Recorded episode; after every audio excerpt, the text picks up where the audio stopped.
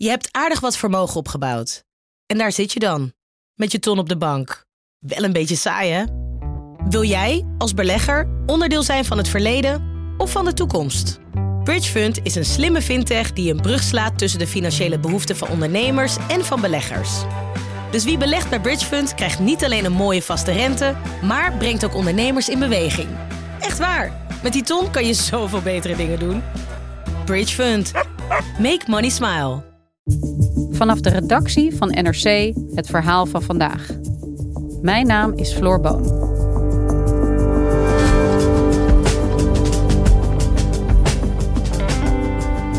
Honderdduizenden Syriërs vluchten voor de verwoestende oorlog in hun land uit angst voor arrestaties, marteling of zelfs de dood. Ook in Nederland vonden veel van hen een veilig nieuw thuis. Maar wat als zij hier ineens hun vijanden op straat herkennen? Correspondent Melvin Ingleby en onderzoeksjournalist Esther Rosenberg ontdekten: handlangers van het Assad-regime lopen vrij rond in Nederland.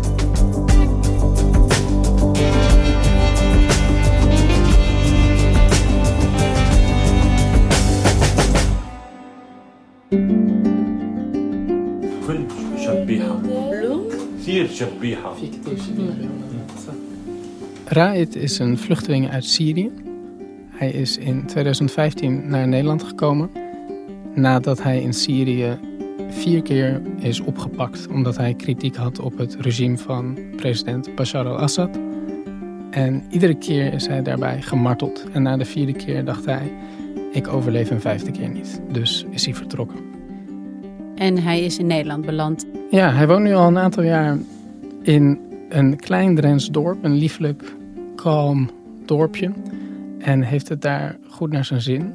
Het hele gezin is ook buitengewoon goed geïntegreerd in die hele wijk. De kinderen noemen mensen uit de wijk eh, oma en opa. Ze spreken beter Nederlands dan Arabisch. En in zijn huis is het een gezellige chaos. Op een avond deze zomer schrok hij heel erg. Want hij zag op zijn telefoon berichtjes die binnenkwamen van foto's op Facebook van een andere man die daarop verschijnt met een wapen in een van de foto's. In een andere foto met een uniform van de militaire veiligheidsdienst van het regime. En op een andere foto met collega's, ook in uniform met een Duitse herder. En Raad denkt, shit, ik ken deze man. Hij woont ook in dit dorp. Dus Raad is gevlucht voor het regime van Assad in Syrië, komt in Nederland en ziet dan op Facebook dat iemand die uh, ja, handlanger is van dat regime, eigenlijk heel dichtbij hem woont, in datzelfde dorp in Drenthe. Precies. En ze wonen niet alleen in hetzelfde dorp. Bashar die komt ook wel eens bij Raad over de vloer. Hun vrouwen die dansen en koken samen. En dan komt Bashar soms na afloop zijn vrouw ophalen. Dus ze kennen elkaar en ze hebben eigenlijk wel een goede relatie. En hij besluit navraag te doen om meer over hem te weten te komen. En dan hoort hij al snel dat deze man, Bashar heet hij, wanneer hij een biertje op heeft, of misschien een jointje op heeft, er nogal een handje naar heeft dat hij begint op te scheppen over wat hij in Syrië gedaan heeft. Hij vertelt dat hij allerlei machtige contacten had. Hij vertelt dat hij voor een hoger bevelhebber werkte. Dat hij mensen uit hun huizen sleepte. Dat hij bij de militaire veiligheidsdienst werkte. En dan gaat Raad naar de politie. Nou, dat is moeilijk voor veel Syriërs, want die zitten met een ingebakken wantrouwen tegen de politie vanuit hun eigen land. Dus Raad aarzelt en die besluit eerst advies te vragen aan zijn overbuurvrouw, Gerda. Ja. Dus we zijn ook bij Gerda langs geweest. Je mag gerust binnenkomen. Ja. Nou, hartstikke bedankt. Maar ik waarschuw je, het is één dikke vieze pakzooi. En Gerda vertelt dat Raad inderdaad op een dag helemaal in paniek bij haar aankwam en haar die foto's liet zien. Wat zag je op de foto? Op de foto zag ik een, nou ja, een, echt een, een, een Syriër, Irakees, Iran. Ik zie het verschil nooit hoor. Ja. Het, het is voor mij allemaal Arabisch, zeg maar. Maar uh, met een baardje, donker haar, een zwart uh, volgens mij was het een zwart t-shirt. Of donkerblauw, in ieder geval donker. Donkere broek en zo'n grote donkere. Ik weet niet hoe zo'n ding heet, joh. Geweer. Ja. Gerda die schrikt ook. Die weet niet wat ze ziet. Ze krijgt die foto's ineens voor zich van die man met het wapen. En die zegt onmiddellijk eigenlijk, ja, Raid, hiermee moet je naar de politie. Echt waar? Zei hij echt waar? Ik zei ja, echt waar. Dan moet je mee naar de politie. En hij doet aangifte. En er bleek dat hij niet de enige was. Er waren meerdere meldingen van deze man. Hoeveel van dit soort Bashars zijn er in Nederland? En is het een toevalstreffer dat jullie hem op het spoor zijn gekomen? Nee, er zijn veel meer Bashars. We hebben de afgelopen zeven maanden uitgebreid onderzoek gedaan naar de aanwezigheid van mogelijke Syrische oorlogsmisdadigers in Nederland. En we kwamen toch tijdens dat onderzoek al snel ruim tien van dit soort profielen tegen. Drie daarvan hebben we volledig uitgewerkt, inclusief Bashar. En hoe, hoe, hoe kwam jij hierbij? Hoe kwamen jullie bij deze man terecht? Ik heb in mei een tip gekregen vanuit de Syrische gemeenschap over een man die wordt afgeperst door andere Syriërs in Nederland. En hem wordt echt duizenden euro's afgetroggeld door andere Syriërs die zeggen dat ze zijn familie in Syrië iets aan kunnen doen. Ik heb geprobeerd om met die man in contact te komen. Hij wilde absoluut niet praten, was doodsbang. Maar ik dacht, als het hem overkomt, is hij vast niet de enige. En hoe, hoe, hoe kan dat? Hoe, hoe kan het dat deze mensen asiel krijgen in Nederland? En wat hebben ze hier eigenlijk te zoeken? Want je zou denken dat mensen die gelieerd zijn aan het regime helemaal niet hoeven te vluchten voor dat regime. Ja, dat is een goede vraag. Deze mensen die worden in Syrië de Shabiha genoemd. Uh, dat betekent geesten. Shabiha. Shabiha. Die term komt van het woord shaba, wat geest betekent in het Arabisch. En het zijn vaak jonge, onopgeleide jongens die door het regime worden ingezet voor de vuilste klusjes. Om demonstranten in elkaar te slaan, mensen op te pakken, te martelen, etc. En al aan het begin van de opstand ging ook een deel van hen op in de veiligheidsdiensten, in milities. En naarmate de oorlog heftiger werd, werd een deel van hen naar het front gestuurd. En op dat moment dachten sommige van deze mannen, ja, daar hebben we niet voor getekend. Het was gewoon de bedoeling dat wij oppositiejongens in elkaar gingen timmeren, maar niet dat wij deel zouden nemen aan de oorlog. Dus een deel van hen is op dat moment vertrokken naar Europa en ook naar Nederland. En zou je ook kunnen zeggen dat het wat dat betreft wat de kleinere jongens zijn? Ze werden niet genoeg ondersteund door het regime om daar te blijven, maar dachten dit willen we dus niet en nu gaan we toch wegvluchten van dat regime waarvoor we eigenlijk zo lang hebben gewerkt. Nee, het zijn niet de kleinere jongens in termen van misdaden. Het zijn hele grote jongens in termen van misdaden. Maar het zijn wel jongens die vaker, of mannen, die uh, een wat onzekere de positie hadden. En die ook in wat flexibelere verbanden voor het regime werkten. Het zijn de flexwerkers van de geweldsindustrie, um, in zekere zin. Zonder enige controle. Ze konden eigenlijk doen wat ze wilden. Juist omdat de Shabiha onder minder toezicht van de autoriteiten staan, komen ze overal mee weg. Maar dat is precies de bedoeling van het regime. Om het meest verschrikkelijke geweld over te laten aan deze mannen en vervolgens te kunnen zeggen: hebben wij niet gedaan. Dus deze mannen die vertrokken, ook al waren ze heel lang onderdeel van het regime, gingen mee in die vluchtelingenstroom naar Nederland en konden hier dus eigenlijk zomaar asiel aanvragen. Ja, deze mannen die vinden zichzelf opnieuw uit in Nederland. Uh, die wonen nu hier, die bouwen een leven op, die uh, drinken een biertje, gaan naar een festival, hebben het naar hun zin en hopen dat er niemand achterkomt wat zij op hun geweten hebben. En de Nederlandse opsporingsdiensten en politie, hebben die dat niet in de gaten? Ik denk dat de politie naar andere casussen keek. De aandacht ging destijds vooral uit naar jihadisten. Iedereen had het over mogelijke IS-strijders in de vluchtelingenstroom. En er was eigenlijk vrij weinig interesse in de misdaden van het Assad-regime en mogelijke handlangers van dat regime die ook hierheen zijn gekomen. En voor Syriërs zelf is dat onverteerbaar, want zij weten dat het regime zelf veel meer schade aan het menselijk leven heeft toegebracht in Syrië. Zo is 98,9% van alle dodelijke gevallen van marteling toe te schrijven aan het regime. Jullie hebben daar journalistiek onderzoek naar gedaan. Hoe hebben jullie deze Bashar gevonden? Wat, wat, wat, wat bracht jullie op zijn spoor? Nou, dan zit je dus vele avonden op Facebook te klikken Natuurlijk heeft Bashar zijn eigen profiel afgeschermd, maar je kan nog wel zijn coverfoto aanklikken, zijn profielfoto. Dan zie je wie die liken. Dan krijg je een beeld van wie zijn vrienden in Syrië zijn. En dan valt het al snel op dat daar vrij veel ongure types tussen zitten met grote wapens die poseren um, bij portretten van Assad. Als we in zijn Facebook-netwerk duiken, zien we dus dat die vrienden die foto's plaatsen. En kunnen we op basis van de andere foto's die zij ook plaatsen, die beelden geolocaten. Dus dan weten we waar die foto's genomen zijn. En dan blijkt dat een van die foto's waarop Bashar met een Duitse herder en twee um, collega's in uniform staat, dat die gemaakt is achter het ministerie van Onderwijs in Damascus in een zwaar beveiligde buurt met allerlei afdelingen van de veiligheidsdiensten in de buurt. En dat zegt iets over zijn functie. Daar loop je niet zomaar rond in een uniform. Dat zijn foto's, die, die vertellen jullie iets, die zeggen iets over, over waar hij was en met wie hij was. Maar is het voldoende bewijs voor het feit dat hij ook echt geweld heeft gepleegd uit naam van het regime?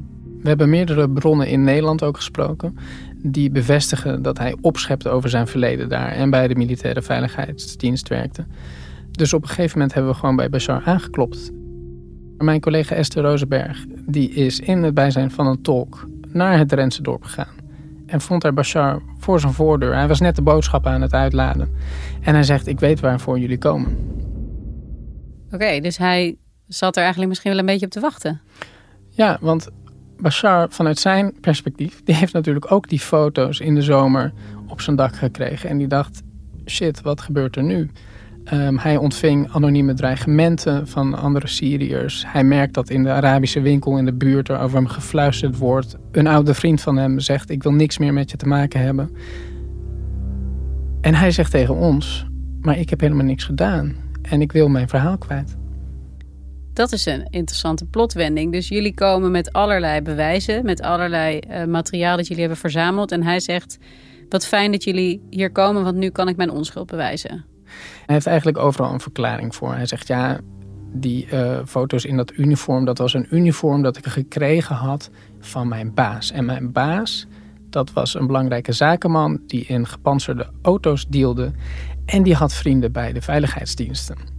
Dus wij kregen dat uniform, want dat was wel zo veilig. We hadden ook een wapenvergunning. Ik had een militaire identiteitskaart waarmee ik langs checkpoints kon. En dat allemaal in het verlengde van mijn baan. Maar dat was een hele normale baan. Ik werkte als de chauffeur van een belangrijke zakenman met machtige contacten. En geloofden jullie hem? Nee. We merkten dat hij zich op bepaalde punten tegensprak. Um, sowieso is het ongeloofwaardig. Hij erkende van een deel van zijn vrienden dat die wel bij de militaire veiligheidsdienst zaten. Um, het is ongeloofwaardig dat hij dan daarmee op de foto gaat, maar er zelf niks mee te maken heeft in zo'n deel van Damascus, wat ook nog een zwaar beveiligde wijk is, waar je echt niet zomaar in uniform rond kan lopen als je, als je er geen onderdeel van bent. Maar op zich zou het natuurlijk kunnen dat hij wel de chauffeur van zo'n zakenman was. Kijk, die contacten kunnen zo lopen in Syrië. Dat je een man met veel geld bent en dat uh, een goede vriend van je toevallig de baas van die veiligheidsdienst is.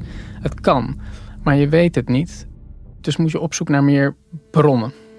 Alleen die bronnen die liggen in Syrië. En het grote probleem daarmee als journalist is natuurlijk dat op het moment dat je met die mensen gaat praten, uh, je hen in enorme gevaren brengt.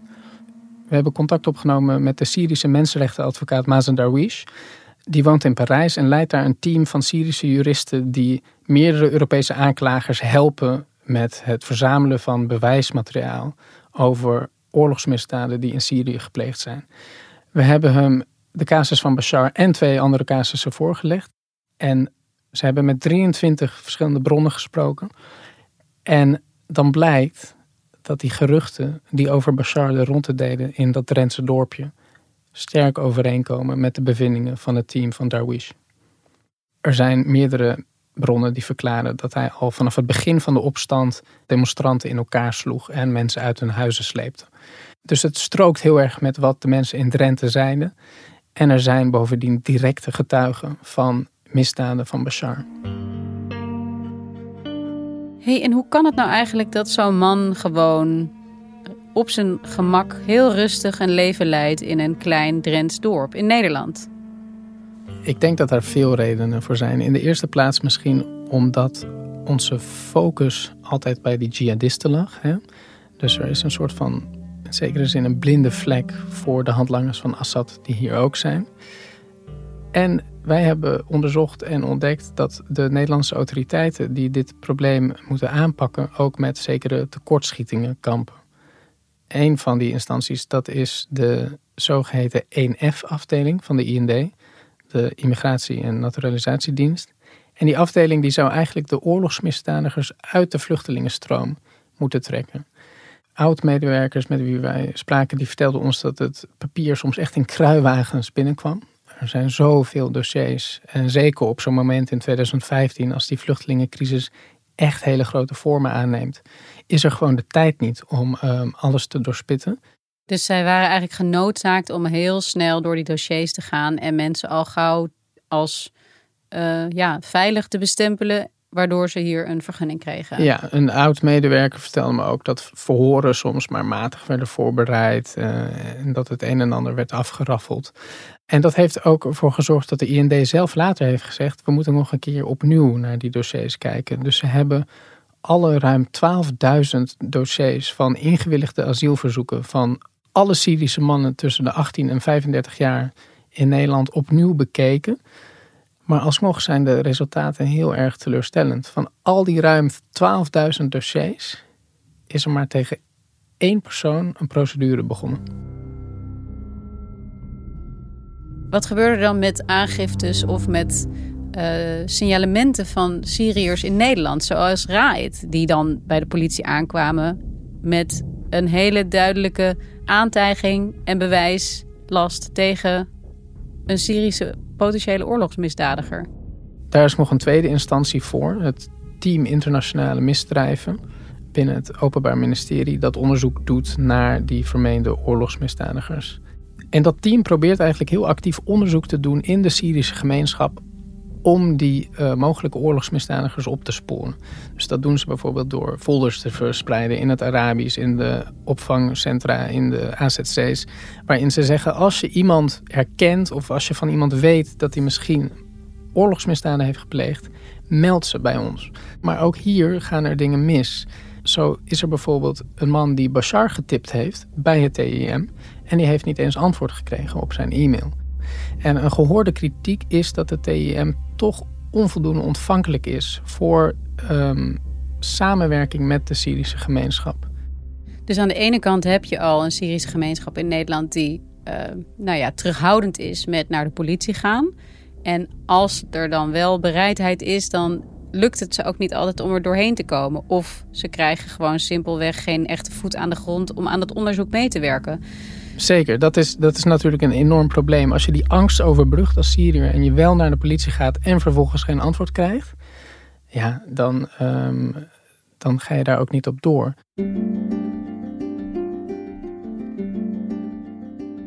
En het is interessant dat het in Duitsland iets anders gaat.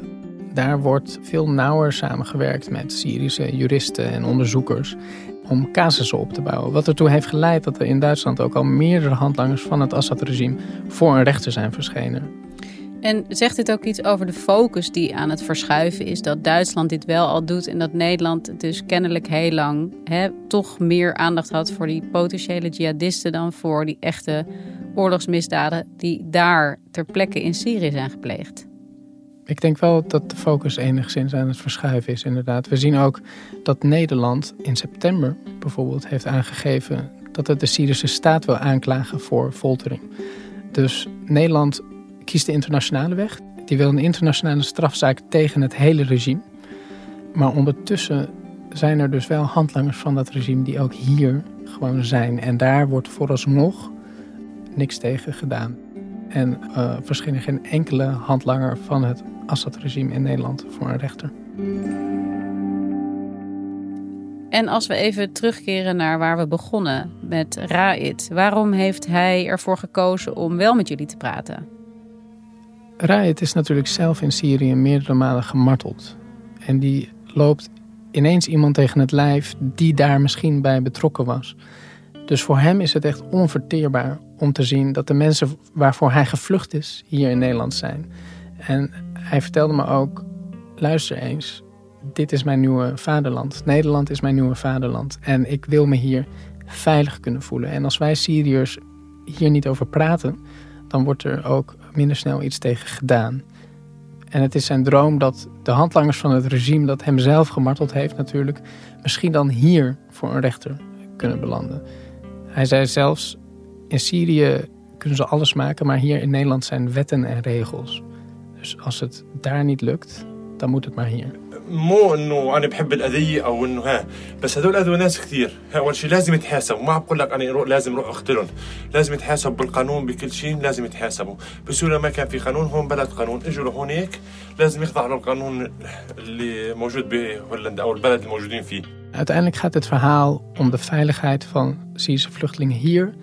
Het gaat om de veiligheid van de Nederlandse samenleving. Want deze Shabiha, dat zijn geen vriendelijke mensen.